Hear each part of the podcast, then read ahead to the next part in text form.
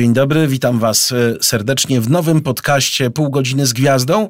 Ja się nazywam Rafał Jemielita, jestem dziennikarzem. Być może kojarzycie mnie z ekranów telewizji, być może czytaliście to, co mam o motoryzacji do napisania, ale to nie ja jestem tutaj gwiazdą. Pół godziny z gwiazdą to podcast dedykowany Mercedesowi e, i wszystkim tym, którzy Mercedesy lubią, kochają, jeżdżą nimi, cenią je, którzy interesują się technologią, historią. No w końcu to jest najstarszy koncern motoryzacyjny na świecie. Będziemy opowiadać o różnych rzeczach, o przyszłości, o tym, co jest teraz i o tym, co już było, bo Mercedes jest interesujący. A dzisiaj będzie o elektromobilności, bo to temat wciąż jeszcze, chociaż nowy, to bardzo kontrowersyjny. Ale najpierw moi goście Janusz Gącki, NG. Dzień dobry Państwu. I Aleksander Rzepecki, Mercedes. Dzień dobry. Panowie, troszkę o sobie. Janusz, czym się zajmujesz w Engie? W Engie odpowiedzialny jestem za wdrażanie nowych technologii. Kilka lat temu koncern podjął decyzję, że inwestujemy w odnawialne źródła energii, a także w elektromobilność. Dzięki czemu też zakupiliśmy kilka firm, m.in. EVBoxa, które produkuje punkty ładowania. A co ciekawe, w zeszłym tygodniu w Stanach Zjednoczonych poszła już oficjalna informacja, że mamy uruchomione ponad 100 tysięcy stacji ładowania, które działają na całym świecie. Aleksander, od półtora roku mam przyjemność wdrażać u nas strategię CASE. CASE to jest e, skrót od słów Connected Autonomous Shared Electric połączone autonomiczne, współdzielone elektryczne, bo takie właśnie nasze samochody będą w przyszłości, już są coraz bardziej. No, póki co zajmujemy się głównie promocją tej literki E. No i ja mam przyjemność robić to zarówno w Polsce, w Czechach oraz w Austrii. No i tak, i porozmawiajmy może w związku z tym właśnie o elektromobilności. To od razu będzie pierwsze pytanie. Czy macie samochody elektryczne? Jako koncern y, oczywiście posiadamy auta elektryczne. Co więcej, auta elektryczne zasilane nie tylko prądem, ale też na wodór, bo warto zwrócić uwagę, że to dalej są auta, które cały silnik mają elektryczny, tylko magazynują energię w wodorze. I takich samochodów mam ponad 50 w samym serwisie, który jeździ w Paryżu. Też nasz top manager wykorzystuje auta na wodór. W Polsce też wykorzystujemy auta elektryczne na co dzień. Aleksander, EQC. EQC niestety jeszcze nie wyszło jako samochód używany przez e, pracowników Mercedesa, ponieważ jest e, na tyle duże zapotrzebowanie, a jeszcze produkcja nie nabrała pełnego rozpędu, więc nasi klienci mają oczywiście pierwszeństwo, ale mogę się pochwalić, że właśnie czekam na swoją nową klasę E-hybrydową. No, Naprawdę jestem bardzo zainteresowany, jak w praktyce będzie wyglądało korzystanie z tego pojazdu, bo przyznam szczerze, bardzo dużo y, wiem o tym teoretycznie, testowałem wielokrotnie, natomiast jeszcze nie miałem nigdy przyjemności faktycznie przez długi czas, tak pół roku, rok faktycznie takim samochodem na stałe jeździć. Hybryda z doładowaniem y, akumulatorów z gniazdka. Jak najbardziej oraz silnikiem, co ciekawe, diesla. Y, wiele osób się pyta nas, dlaczego coś takiego robimy, połączenie diesla z prądem. No większość koncernów raczej łączy to z samochodem y, benzynowym, a ja uważam, że to jest jednak genialne połączenie. Dlaczego? Bo w mieście jeździmy sobie na prąd, który ładujemy z gniazdka. Samochód ma do 50 km zasięgu na samym prądzie, więc jeżdżąc po mieście w zasadzie jesteśmy niezależni od e, paliw płynnych. Natomiast kiedy wyjeżdżam poza miasto, no wtedy też mi zależy na tym, żeby ten silnik był y, ekonomiczny, a silniki diesla z gwiazdą zdecydowanie najlepiej się spełniają właśnie w takich długich dystansach. Aleksander, mam pomysł na promocję marki. Dawaj. Drink. Diesel z prądem. No dobrze, ale oczywiście to żart. Posłuchajcie, kwestia elektromobilności jest o tyle kontrowersyjna, e, że ładowarek w Polsce jest wciąż za mało. Jak to skomentujecie? Troszkę się z tym nie zgodzę, bo jak popatrzymy na współczynnik ilość zarejestrowanych samochodów versus punktu, versus punktu ładowania, to Polska wygląda bardzo dobrze na mapie całej Europy, nawet lepiej niż czasem Skandynawia. No, natomiast drugi parametr, czyli ilość samochodów jest nieduża, to jest w okolicach 5 tysięcy aut zarejestrowanych, którym na koniec pierwszego kwartału gdzie to są wszystkie auta, też elektryki i hybrydy plug-in. Okay. No właśnie, ja nie byłbym tu niestety taki optymistyczny, ponieważ e, rzeczywiście ten świetny współczynnik nie wynika z dużej ilości ładowarek, tylko z małej ilości samochodów. No w liczbach bezwzględnych więcej publicznych punktów ładowania e, znajduje się w Republice Czeskiej niż Polskiej, e, mimo że kraj jest subtelnie mniejszy. W związku z tym, tak, ja uważam, że jednak tutaj mamy jeszcze bardzo dużą pracę do wykonania, zarówno jako prywatne podmioty sprzedające samochody oraz instalujące właśnie takie ładowarki jak i również strona ta publiczna. Powiedzcie mi, czy wierzycie w to, że samochód elektryczny kiedyś naprawdę zastąpi samochody spalinowe? To Ale jest- szczerze, jak na spowiedzi. Ktoś powiedział, że jak e, pada pytanie, powiedz szczerze, to najczęściej osoby nie do końca się wypowiadają szczerze, żeby nie powiedzieć wprost kłamią. Natomiast w moim odczuciu na pewno tak. Na pewno to nie będzie samochód na wykorzystanie do wszystkich e, zastosowań. Też kwestia zasięgu, też kwestia jakby technologii, która jest tam zaszyta i też- kwestie kosztu związanych chociażby z bateriami. Więc e, wykonywaliśmy różnego rodzaju testy.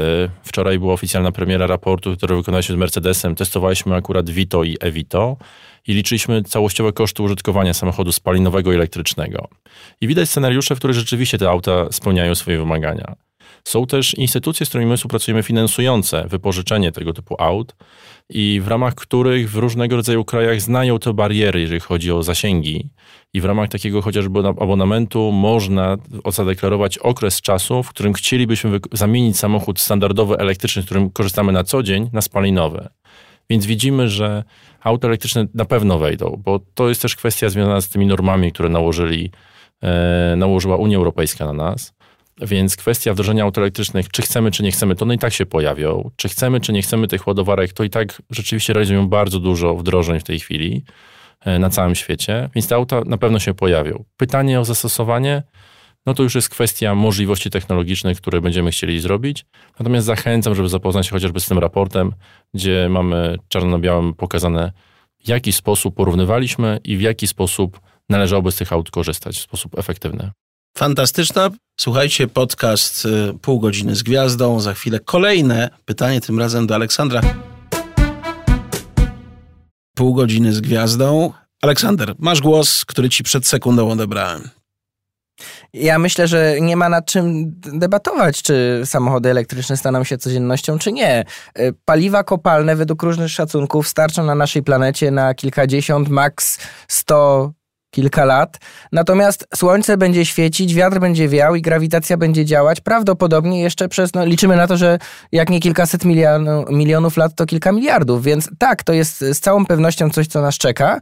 Pytanie brzmi rzeczywiście, jak szybko. No nasza firma e, chciałaby w ciągu najbliższych 20 lat wyłącznie produkować samochody bezemisyjne, czyli takie, które krótko mówiąc nie smrodzą.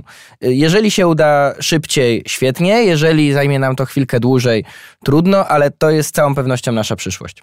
Rozumiem, że mówisz y, szczerze, jak na spowiedzi, że nie chcesz jeździć V8. Pięknie brzmiącą benzyną Mercedesa. Nie chcesz. Chcesz tylko elektrycznie, w ciszy. Nie powiedziałem tego absolutnie i ja myślę, że y, sztuki jakieś takie powiedzmy dla kolekcjonerów czy ciekawostki będą takie samochody oczywiście. Natomiast jeżeli mówimy o tym mainstreamie motoryzacji, zdecydowanie będzie to energia elektryczna. No dobrze, to w takim razie mamy w tej chwili EQC. To jest samochód, który jest dużym suwem, ponad 400 koni, zasięg 450 km, całkiem sporo. Y, Czy będą mniejsze Mercedesy dla takiego człowieka, który nie potrzebuje suwa, tylko potrzebuje samochodu miejskiego? Czy coś takiego w najbliższym czasie się pojawi? Oczywiście już w tym roku e, na światowych salonach, a w przyszłym roku w Polsce zadebiutuje EQA, czyli e, mały, kompaktowy samochód z segmentu GLA. Zaraz potem będzie EQB, ale zresztą, żeby daleko nie szukać, e, do naszej oferty należy przecież fantastyczny model, jakim jest Smart, jeżeli mówimy o faktycznie małych, miejskich samochodach. Smart w trzech wersjach, e, dla dwóch osób, dla czterech i cabrio. Więc gama naprawdę będzie szeroka. Z jednej strony od małych miejskich samochodów, no a w drugą stronę wiadomo, sky is the limit. Fantastycznie to zabrzmiało. Y, Niebo jest, dla tych, którzy nie znają angielskiego, y, niebo nie jest, nas nie ogranicza. Tak, nie miałem na myśli co prawda tego, że zaraz będziemy e, rywalizować z Elonem Muskiem, jeżeli chodzi o podróże kosmiczne. E, Miałem na myśli oczywiście samochody, natomiast co, czy, czy dobry samochód tak naprawdę dużo mu brakuje do rakiety kosmicznej? No, biorąc pod uwagę ten y, ostatnio pokazany przez Maska samochód elektryczny, rzeczywiście troszkę przypomina y, rakietę kosmiczną albo przynajmniej UFO. Janusz, pytanie do ciebie jest takie. Technologia wodorowa. Podobno jesteśmy w czołówce producentów tego gazu na świecie. Łatwo jest go wyprodukować na różne sposoby. Można ze źródeł biologicznych, można z przetwarzania węgla właśnie, który się kończy, ale też można na różne inne sposoby go generować. E, kłopot polega na tym, że technologia jest znana od XIX wieku tak zwanej odwrotnej elektrolizy, między innymi, bo to, to wykorzystuje ten, e, technologia wykorzystuje to zjawisko. E, natomiast wdrażana jest, o ile pamiętam, tylko w Niemczech. Dlaczego nie jest wdrażana w Polsce? To jest kwestia raczej podejścia, bo tak jak patrzymy na rynki też chociażby Japonię, bardzo mocno idzie też w kwestię wodoru, więc są kraje na świecie, które rzeczywiście w to mocno inwestują. Nawet Mercedes miał taki projekt kilka lat temu, gdzie auta też były produkowane z ogniwami wodorowymi. W tej chwili inne marki też mówią, że będą chciały iść w kierunku wodoru. Dzisiaj w Polsce mamy dosyć dużo tego wodoru, w zależności od zestawień. Jedne zestawienia mówią, że jesteśmy pierwsi bądź drudzy w Europie, inne zestawienia, które mówią o czystości tego wodoru, to jest dziesiąte do, do trzynastego miejsca. Więc widać, że rzeczywiście to jest ogromny potencjał. Ten wodór dzisiaj jakby jest niewykorzystywany, produkowany w tonach, a jak popatrzymy sobie, że z kilograma wodoru mamy prawie 100 kilometrów, to jest to ciekawe, ciekawe rozwiązanie jako alternatywa. Natomiast wodór dalej jest autoelektryczny, czyli tak naprawdę jesteśmy w stanie spokojnie samochód elektryczny dzisiaj zasilany, część związaną z bateriami zamienić na magazyny, e, magazyny wodorowe i wtedy spokojnie jesteśmy w stanie wykorzystywać tego typu paliwo do obecnych aut. Tutaj trzeba byłoby sobie troszeczkę dopowiedzieć, co to jest samochód wodorowy. To jest samochód, który ma ogniwa paliwowe, które generują prąd elektryczny z powietrza atmosferycznego i z wodoru, który jest w takim wysokociśnieniowym zbiorniku. I z tego wszystkiego następuje tam prosta reakcja chemiczna, prosta, jak powiedziałem, wykryta w XIX wieku i wytwarzamy sobie prąd elektryczny w czasie rzeczywistym. Czyli tak naprawdę można byłoby powiedzieć, uprościć, że to jest taki silnik. Yy, no skoro w czasie rzeczywistym to taki silnik jak, jak spalinowy, tyle że wodorowy. Ale, nie spala wodoru. Tak, ponieważ to, co się wydala, to jest para wodna z rury wydechowej, natomiast po drodze są wszystkie silniki elektryczne, też mała, mała kwestia związana z bateriami, więc przetworzone jest najpierw do zasilania baterii, później do silnika. Więc w pełni jest to dalej auto elektryczne, którymi możemy spokojnie się posługiwać. Mercedes miał kilka takich projektów w swojej historii, samochodów właśnie wodorowych. Nawet ostatnio, kilka lat temu, ostatnio w tym sensie, y, jeden z takich samochodów przejechał pustynię w Stanach Zjednoczonych z jedną z gwiazd filmowych, która piła wodę z tego samochodu, bo to jest y, odpad. Odpad, czyli można powiedzieć spaliny. Aleksander. No, na początku tej dekady mieliśmy nawet projekt związany z klasą B, która również została e, zbudowana w formie e, wodorowej. E, trzy takie samochody przejechały świat dookoła, przez Europę, Amerykę, przez Azję i rzeczywiście udało się, czyli technicznie te samochody są w stanie jeździć na naprawdę dalekie dystanse. Oczywiście problemem było ładowanie tych samochodów, to znaczy na tej trasie były wtedy, no 9 lat temu, trzy stacje wodoru. Z tego co pamiętam we Frankfurcie, w Los Angeles i chyba w Nowym Jorku. I w związku z tym za samochodami jechała po prostu cysterna, żeby te samochody zasilać. No dzisiaj jest sytuacja troszeczkę lepsza, choć niewiele i właśnie ta infrastruktura to znaczy gdzie mamy ten samochód ładować, jest w tej chwili największą barierą do wprowadzenia, a mamy w tym momencie już e, w pełni sprawny i przetestowany GLC wodorowy, który nawet w limitowanej serii e, jest sprzedawany w Niemczech i w Stanach Zjednoczonych, no ale na upowszechnienie się tej technologii chyba jeszcze przyjdzie nam chwilę poczekać. Za chwileczkę wrócimy do przygód z ładowaniem samochodów elektrycznych w trasie. Słuchajcie podcastu Pół godziny z gwiazdą pół godziny z gwiazdą. I oczywiście z moimi przygodami z dawnych telewizyjnych czasów, y, samochód elektryczny kilka lat temu. Y, no, to jest rzecz istotna, że to było kilka lat temu, bo ta sytuacja dzisiaj trochę się zmieniła. Mamy bardziej doskonałe układy napędowe, lepsze baterie.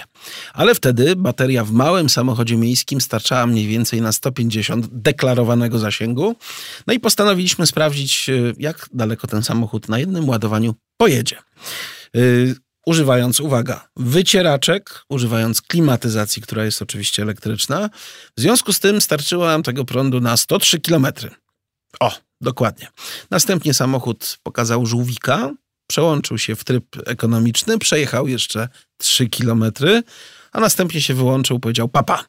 No i w związku z tym, że był to pomysł telewizyjny, mieliśmy ze sobą spalinową siłownię. Bardzo często można na Facebooku zobaczyć takie, e, takie memy, gdzie samochód elektryczny, amerykańska Tesla głównie, ma z boku taką siłownię. No kłopot polega na tym, i chciałbym, żebyście to skomentowali, czy to jest w ogóle możliwe, żeby podłączyć taką siłownię, bo u nas w momencie, gdy te siłownie podłączaliśmy, całość robiła brrr, po 10 sekundach i koniec.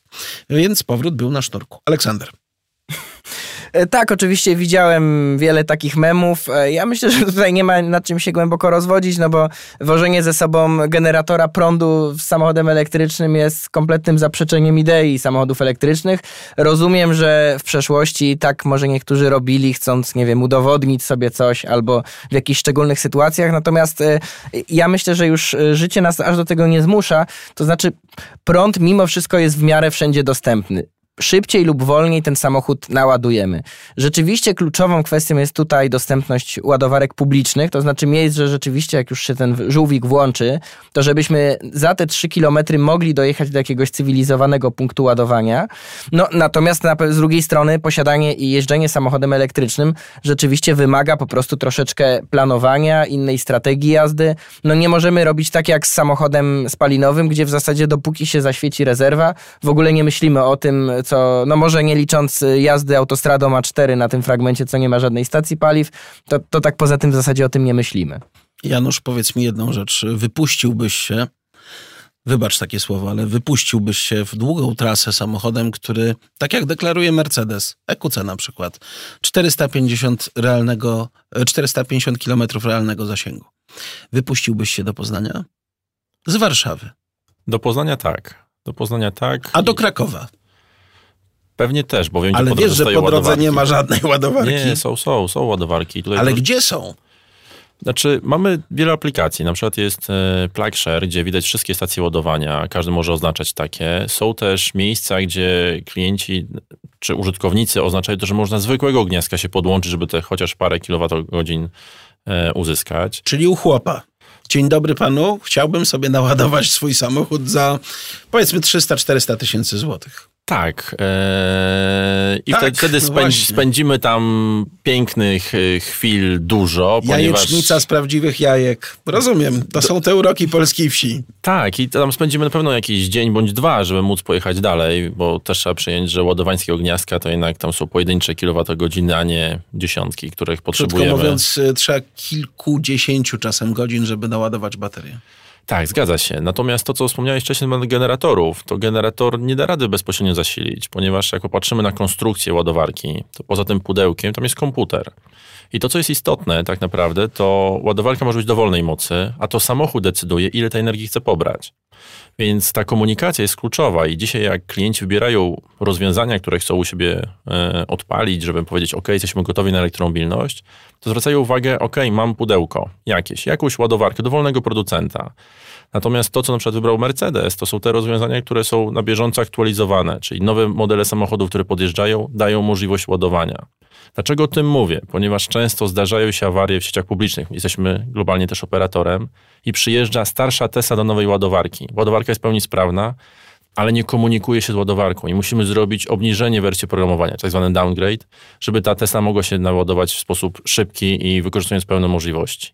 Dlatego uważam, że dzisiaj punktów ładowania w Polsce już jest wystarczająco. Tak, wybrałbym się na taką wycieczkę do Poznania, do Krakowa na pewno. Tam jest dużo stacji ładowania na Śląsku, więc nie widzę ryzyka, jeżeli chodzi o poruszanie się. A w takim razie, w którą stronę byś się nie wybrał?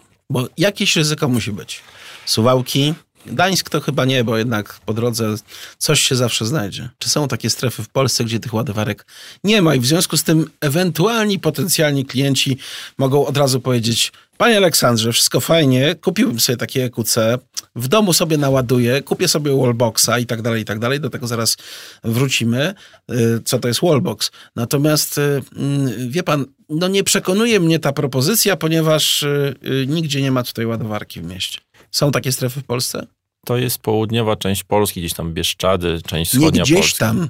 Nie, nie, nie. To jest u nas. tak. Bieszczady to u nas. Bieszczady to u nas. Natomiast to jest ta wschodnia część e, kraju, która nie jest mocno zelektryfikowana i tam rzeczywiście pojawiają się tego typu zagadnienia. Z drugiej strony, jak popatrzymy na opinie chociażby Skandynawów, to bardzo doceniają zele- zelektryfikowanie na całym Pomorzu, bo ilość punktów ładowania jest naprawdę bardzo duża i tam nie ma żadnego problemu z kolei z poruszaniem się. Czyli potop szwedzki, tylko teraz po prąd przejeżdżają. Dokładnie. No właśnie.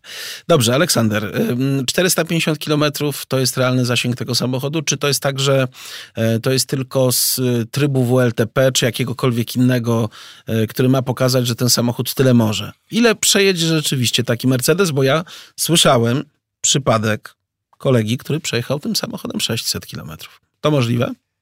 E, jak najbardziej możliwe. E, deklarowany zasięg to jest dokładnie 423 km, natomiast dosłownie kilka dni temu e, widziałem na Facebooku jeden ze znajomych dziennikarzy wrzucał zdjęcie, gdzie przejechał na jednym ładowaniu tym samochodem 450 km i jeszcze mu zostało 26 km zasięgu. Tutaj bardzo dużo rzeczywiście zależy od stylu jazdy, od planowania jazdy ten zasięg jest możliwy. Ja nie mówię tu o warunkach laboratoryjnych. To absolutnie nie znaczy, że musimy jechać tylko w kółku po jednej trasie yy, i tylko w oparciu o komputer. Natomiast samochód ten daje bardzo duże wsparcie kierowcy, nie tylko yy, kiedy włączymy odpowiednie tryby, yy, kiedy będzie odpowiednio rekuperował. On nie tylko będzie dawał znać kierowcy, z jaką powinien jechać y, szybkością, jaką powinien jechać trasą, bo czasami na przykład warto jest wybrać trasę nieco dłuższą, ale bardziej płaską, wymagającą mniejszego zużycia energii niż krótszą, ale przez góry. Bo to, co nadrobimy y, teoretycznie tym krótszym dystansem, byśmy potem musieli stracić dłużej ładując ten samochód. Więc tak, to wymaga pewnego planowania. Natomiast y, przy, jeżeli zaplanujemy, jeżeli będziemy słuchać, co nam ten samochód podpowiada, a nawet pedał gazu daje nam znaki, odbija y, niejako się, jeżeli jedziemy za szybko, jeżeli będziemy przestrzegać tych zasad, z całą pewnością dojedziemy 450 km, a nawet więcej. Ja to podsumuję w ten sposób. Jest takie chińskie przysłowie: jak masz dużo czasu, to jedź skrótem. Słuchajcie podcastu Pół godziny z gwiazdą. Pół godziny z gwiazdą, Janusz Grącki, Aleksander Rzepecki, Rafał Jemilita i dyskutujemy o elektryfikacji o elektryfikacji miast i wsi. Słuchajcie, dobrze, w takim razie mamy ten podpowiadający e, pedał i tak dalej, i tak dalej, styl jazdy. No dobra, e, a samo ładowanie. Przecież to jest straszna strata czasu. Musisz znaleźć ładowarkę, pod warunkiem oczywiście, że opierasz się tylko na zewnętrznej sieci, że jeszcze nie wyposażyłeś się w wallboxa. Czy warto mieć wallboxa w związku z tym? Czy to jest tak, że my jesteśmy na to gotowi, czy to jest drogie rozwiązanie? Janusz. Tutaj Mercedes przychodzi z kompleksową ofertą, ponieważ posiada wallboxy w swojej ofercie, którą my mamy w ramach kontraktu, możemy uruchomić u każdego klienta indywidualnie, więc y, to na pewno wallbox powinien być w każdym domu. Nawet zestawienia pokazują, czy, czy porównania, że 50% ładowania mamy w domu, reszta to jest ładowanie najczęściej, kolejne 25% to jest biuro, w którym najczęściej spędzamy najwięcej czasu. Następne 25% to są miejsca gdzieś na mieście w różnego rodzaju lokalizacjach. Jak spojrzymy z tej perspektywy, to wallbox w domu, gdzie spędzamy najwięcej czasu i najmniej mocy potrzebujemy, czyli kosztu wdrożenia, jest tak naprawdę kluczowe. Jak popatrzymy na te wallboxy, które montujemy w domach, to moc jest na poziomie 3,7, 7,4 kW. Żeby przyłożyć to taki najbardziej ludzki język, to żelazką w okolicach tam 2 kW, więc podłączenie dwóch żelazek nie zabije nam sieci w domu, dowolnym domu czy dowolnym bloku a z drugiej strony pozwoli spokojnie przez całą noc naładować samochód, żebyśmy mogli wyruszyć rano. Wszystko fajnie, wspomniałeś, użyłeś takiego sformułowania dowolnym bloku, e, ale słyszałem, że w, są problemy z montowaniem takich e, urządzeń w miejscach, w których są wspólnoty. Jak to zrobić? No, czy są w ogóle takie problemy? No ja na przykład miałem. Bo zadałem pytanie, czy mogę sobie zamontować wallbox. Usłyszałem, my nie wiemy, co to jest. Y, a czy mogę podłączyć samochód elektryczny do gniazdka? Nie może pan, bo pan kradnie prąd. Jak y, z tym sobie radzić w Polsce? Dzisiaj wydaje mi się, że to jest kwestia braku świadomości. Każdy, kto myśli o samochodzie elektrycznym, ma w głowie, Tesla i ogromną stację ładowania, która pożera ogrom energii. Czyli tak naprawdę świadomość, tak jak rozumiemy ze wspólnotami, to jest taka, że jak podłączymy tą stację, to pół bloku trzeba było wyłączyć zasilanie. Jak zadam pytanie, czy w garażu jak podłączę, nie wiem, odkurzacz plus żelazko, to wysiądzie cała instalacja? Mówią, że nie. No i nagle zaczyna się ta dyskusja. Tylko cieszę się, że jest ten podcast i że będą mogli też posłuchać, w jaki sposób tego podejść, bo to nie są dzisiaj bariery. Zakłady energetyczne spokojnie mogą dodać dodatkowy licznik. Większość ładowarek oferowanych na rynku ma też swój licznik do rozliczania energii, bo jest to o tyle też istotne, że dzisiaj, gdy mamy ten wallbox w domu, to ładujemy ten samochód jednak w domu. I w jaki sposób nasz pracodawca miałby nam zwrócić koszt podróży, jeżeli nie mamy karty na stację paliwową. I nie chcemy go naciągać, krótko mówiąc. I, i, nie, i nie, chcemy go tego pracownika naciągać, bo dajemy pracownikom auta elektryczne, bo najczęściej właściciele Mercedesów to jednak są to duże firmy. Więc w tym momencie możliwość rozliczenia tej energii zwrotu swoim pracownikom to jest na pewno ta kwestia, która w tej chwili też ma dosyć duże znaczenie. Okej, okay. Aleksander, pytanie do ciebie e, jest troszkę mm, o szerszym zakresie, powiedziałbym w ten sposób. Mianowicie Mercedes, generalnie koncern Daimler stawia na y, car sharing, na różnego rodzaju łączenie ze sobą y, krótkoterminowych rozwiązań komunikacyjnych. Y, w Polsce już mamy elektryczne taksówki, wprawdzie nie Mercedesa, ale chciałbym zadać Ci pytanie, czy jest jakaś szansa na to, że zobaczymy elektryczne samochody Mercedesa właśnie jako taksówki, jako elementy systemu transportowego miasta przyszłości. No, to nie do końca prawda, co powiedziałeś. Mercedesy nie, ale smarty elektryczne już po Warszawie jeżdżą, chociażby w firmie Panek. Um, I mamy zamiar oczywiście w przyszłości y, bardziej upowszechnić takie właśnie samochody. Um, to jest oczywiście element całej szerszej strategii wdrażania elektromobilności na nasze drogi. No z jednej strony musimy właśnie uświadomić ludziom, jak wygląda ładowanie chociażby. Z drugiej strony musimy też troszeczkę e, przekonać firmy takie jak korporacje taksówkarskie, czy takie jak e, właśnie carsharingi.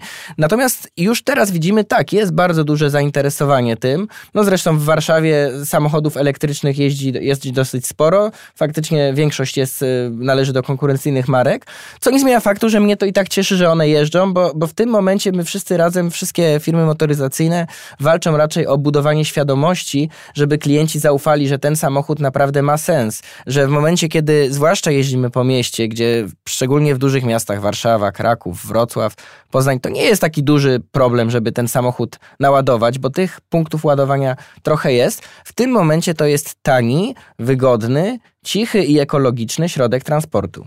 Super, zaintrygowałeś mnie tym sformułowaniem. Trzeba nauczyć ludzi, jak ładować. Ach, ten język polski. Słuchajcie podcastu Pół godziny z gwiazdą. Podcast Pół godziny z gwiazdą. No to Aleksander, jak będziemy uczyć ludzi poprawnego ładowania. No właśnie, to jest jedna z przyczyn, dlaczego tutaj akurat jesteśmy razem z, z Januszem. E, nasze firmy współpracują właśnie w zakresie ładowania. E, na czym polega ta współpraca? Otóż, jak wspomniał Janusz, e, większość ładowań samochodów elektrycznych odbywa się albo w domu, albo w miejscu pracy. Dlatego niesamowicie ważne jest, żeby oferta samochodu elektrycznego była też uzupełniona o ofertę odpowiedniej stacji ładowania wraz z montażem, wraz z usługami polegającymi na sprawdzeniu, czy w ogóle ładowarkę można zainstalować w danym miejscu oraz ewentualnym późniejszym serwisem. I my razem, y, w sensie firma Mercedes-Benz Polska oraz y, firma Engie y, stworzyły wspólnie właśnie taką ofertę, dzięki której klient przychodzący do dealera Mercedesa może na jednej fakturze za jednym, że tak powiem, zamachem zamówić kompleksową usługę, dzięki której na końcu ma zarówno samochód, jak i swoją domową stację ładowania, żeby nie musieć się później o ładowanie martwić. Bo tak jak wspomniałeś, e, no, czy to jest duży problem? Jeżeli mam ładowarkę w domu, czy, czy ty dużo tracisz dziennie czasu na ładowanie telefonu? Nie, w ogóle się nad tym nie zastanawiasz. Oczywiście, gdybyś chciał ładować ten telefon w galeriach handlowych, w punktach ładowania, no to pewnie byłoby to irytujące, traciłbyś dużo czasu, ale jeżeli faktycznie ładujesz na co dzień w domu, to powiedziałbym, że tracisz jeszcze mniej czasu niż przy tankowaniu samochodu, bo jednak, żeby zatankować, na tą stację musisz pojechać. No dobra, okej, okay, wszystko fajnie, tylko że yy, odwracając sytuację, to podczas ładowania też potrzebny jest ci czas. Okej, okay, jeżeli gdzieś mamy supermarket, do którego możemy sobie pójść w tym czasie, kiedy mamy powiedzmy szybką ładowarkę e, i mamy godzinę szybkiego ładowania, tak żeby no, 80% akumulatora e, pozwoliło nam jechać dalej, to jest sytuacja idealna. Mamy godzinę, możemy sobie coś zjeść, możemy coś wypić, możemy pójść na zakupy z żoną, z dziewczyną i tak dalej, i tak dalej, i tak dalej.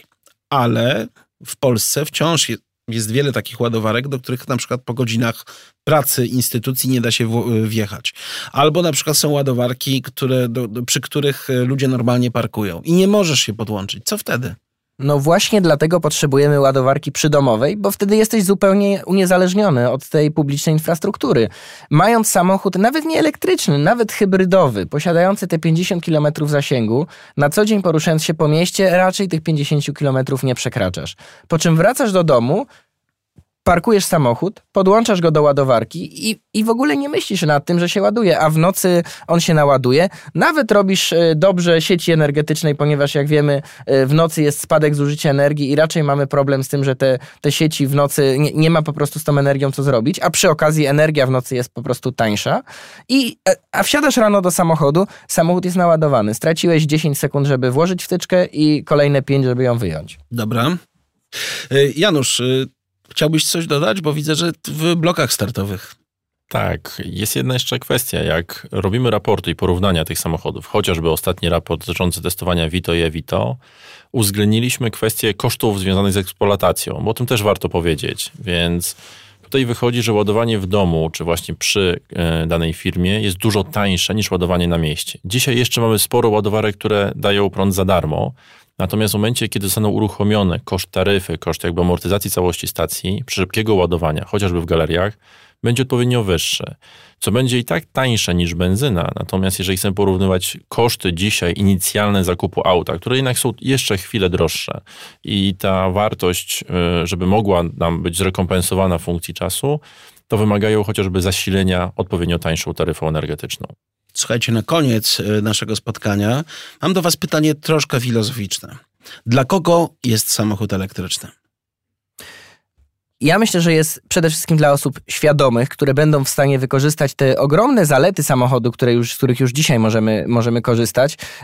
Chcą e, nie martwić się o zanieczyszczenie, chcą nie tracić czasu na stacjach benzynowych, chcą przy okazji mieć wiele emocji wynikających z tego samochodu, bo przecież te samochody mają świetny moment, dużą moc. No i być może troszeczkę też się wyróżnić, bo ten samochód jest po prostu fajny. Janusz? Dla mnie jest to samochód do poruszania się głównie po mieście. Zaleta chociażby poruszania się w obu pasach w Warszawie jest na pewno nie bez znaczenia. E, parkowanie w centrach miast bezpłatne, czyli jeżeli ktoś pracuje w centrum bądź, bądź mieszka w centrum, to jest na pewno rozwiązanie, które bardzo szybko e, doceni wartość auta elektrycznego, a w ostatnia kwestia to jest na pewno kwestia serwisowania, koszt serwisowania, które są wyjątkowo niskie, bo nie ma prawie co się zepsuć. A ostatnia rzecz to są te emocje. Jeżeli ktoś jeszcze nie próbował, to naprawdę zachęcam, żeby dotknął, przejechał się i zobaczył, czym się różni ta cisza i to czucie przyspieszenia we własnym aucie. Te samochody są niesamowicie ciche. Oczywiście ja bardzo kocham gang silnika, zwłaszcza takiego wielocylindrowego, widlastego. Bardzo to jest przyjemne, ale w mieście potrzebuję samochodu spokojnego i dlatego kupiłbym samochód elektryczny, bo w nim jest cicho. Słuchajcie, bardzo dziękujemy za to, że z nami byliście, bardzo dziękujemy za to, że słuchaliście podcastu Pół godziny z gwiazdą. No i to nie jest y, ostatnie słowo. Czekajcie na następne odcinki. Dziękujemy bardzo. Dzięki. Dziękujemy.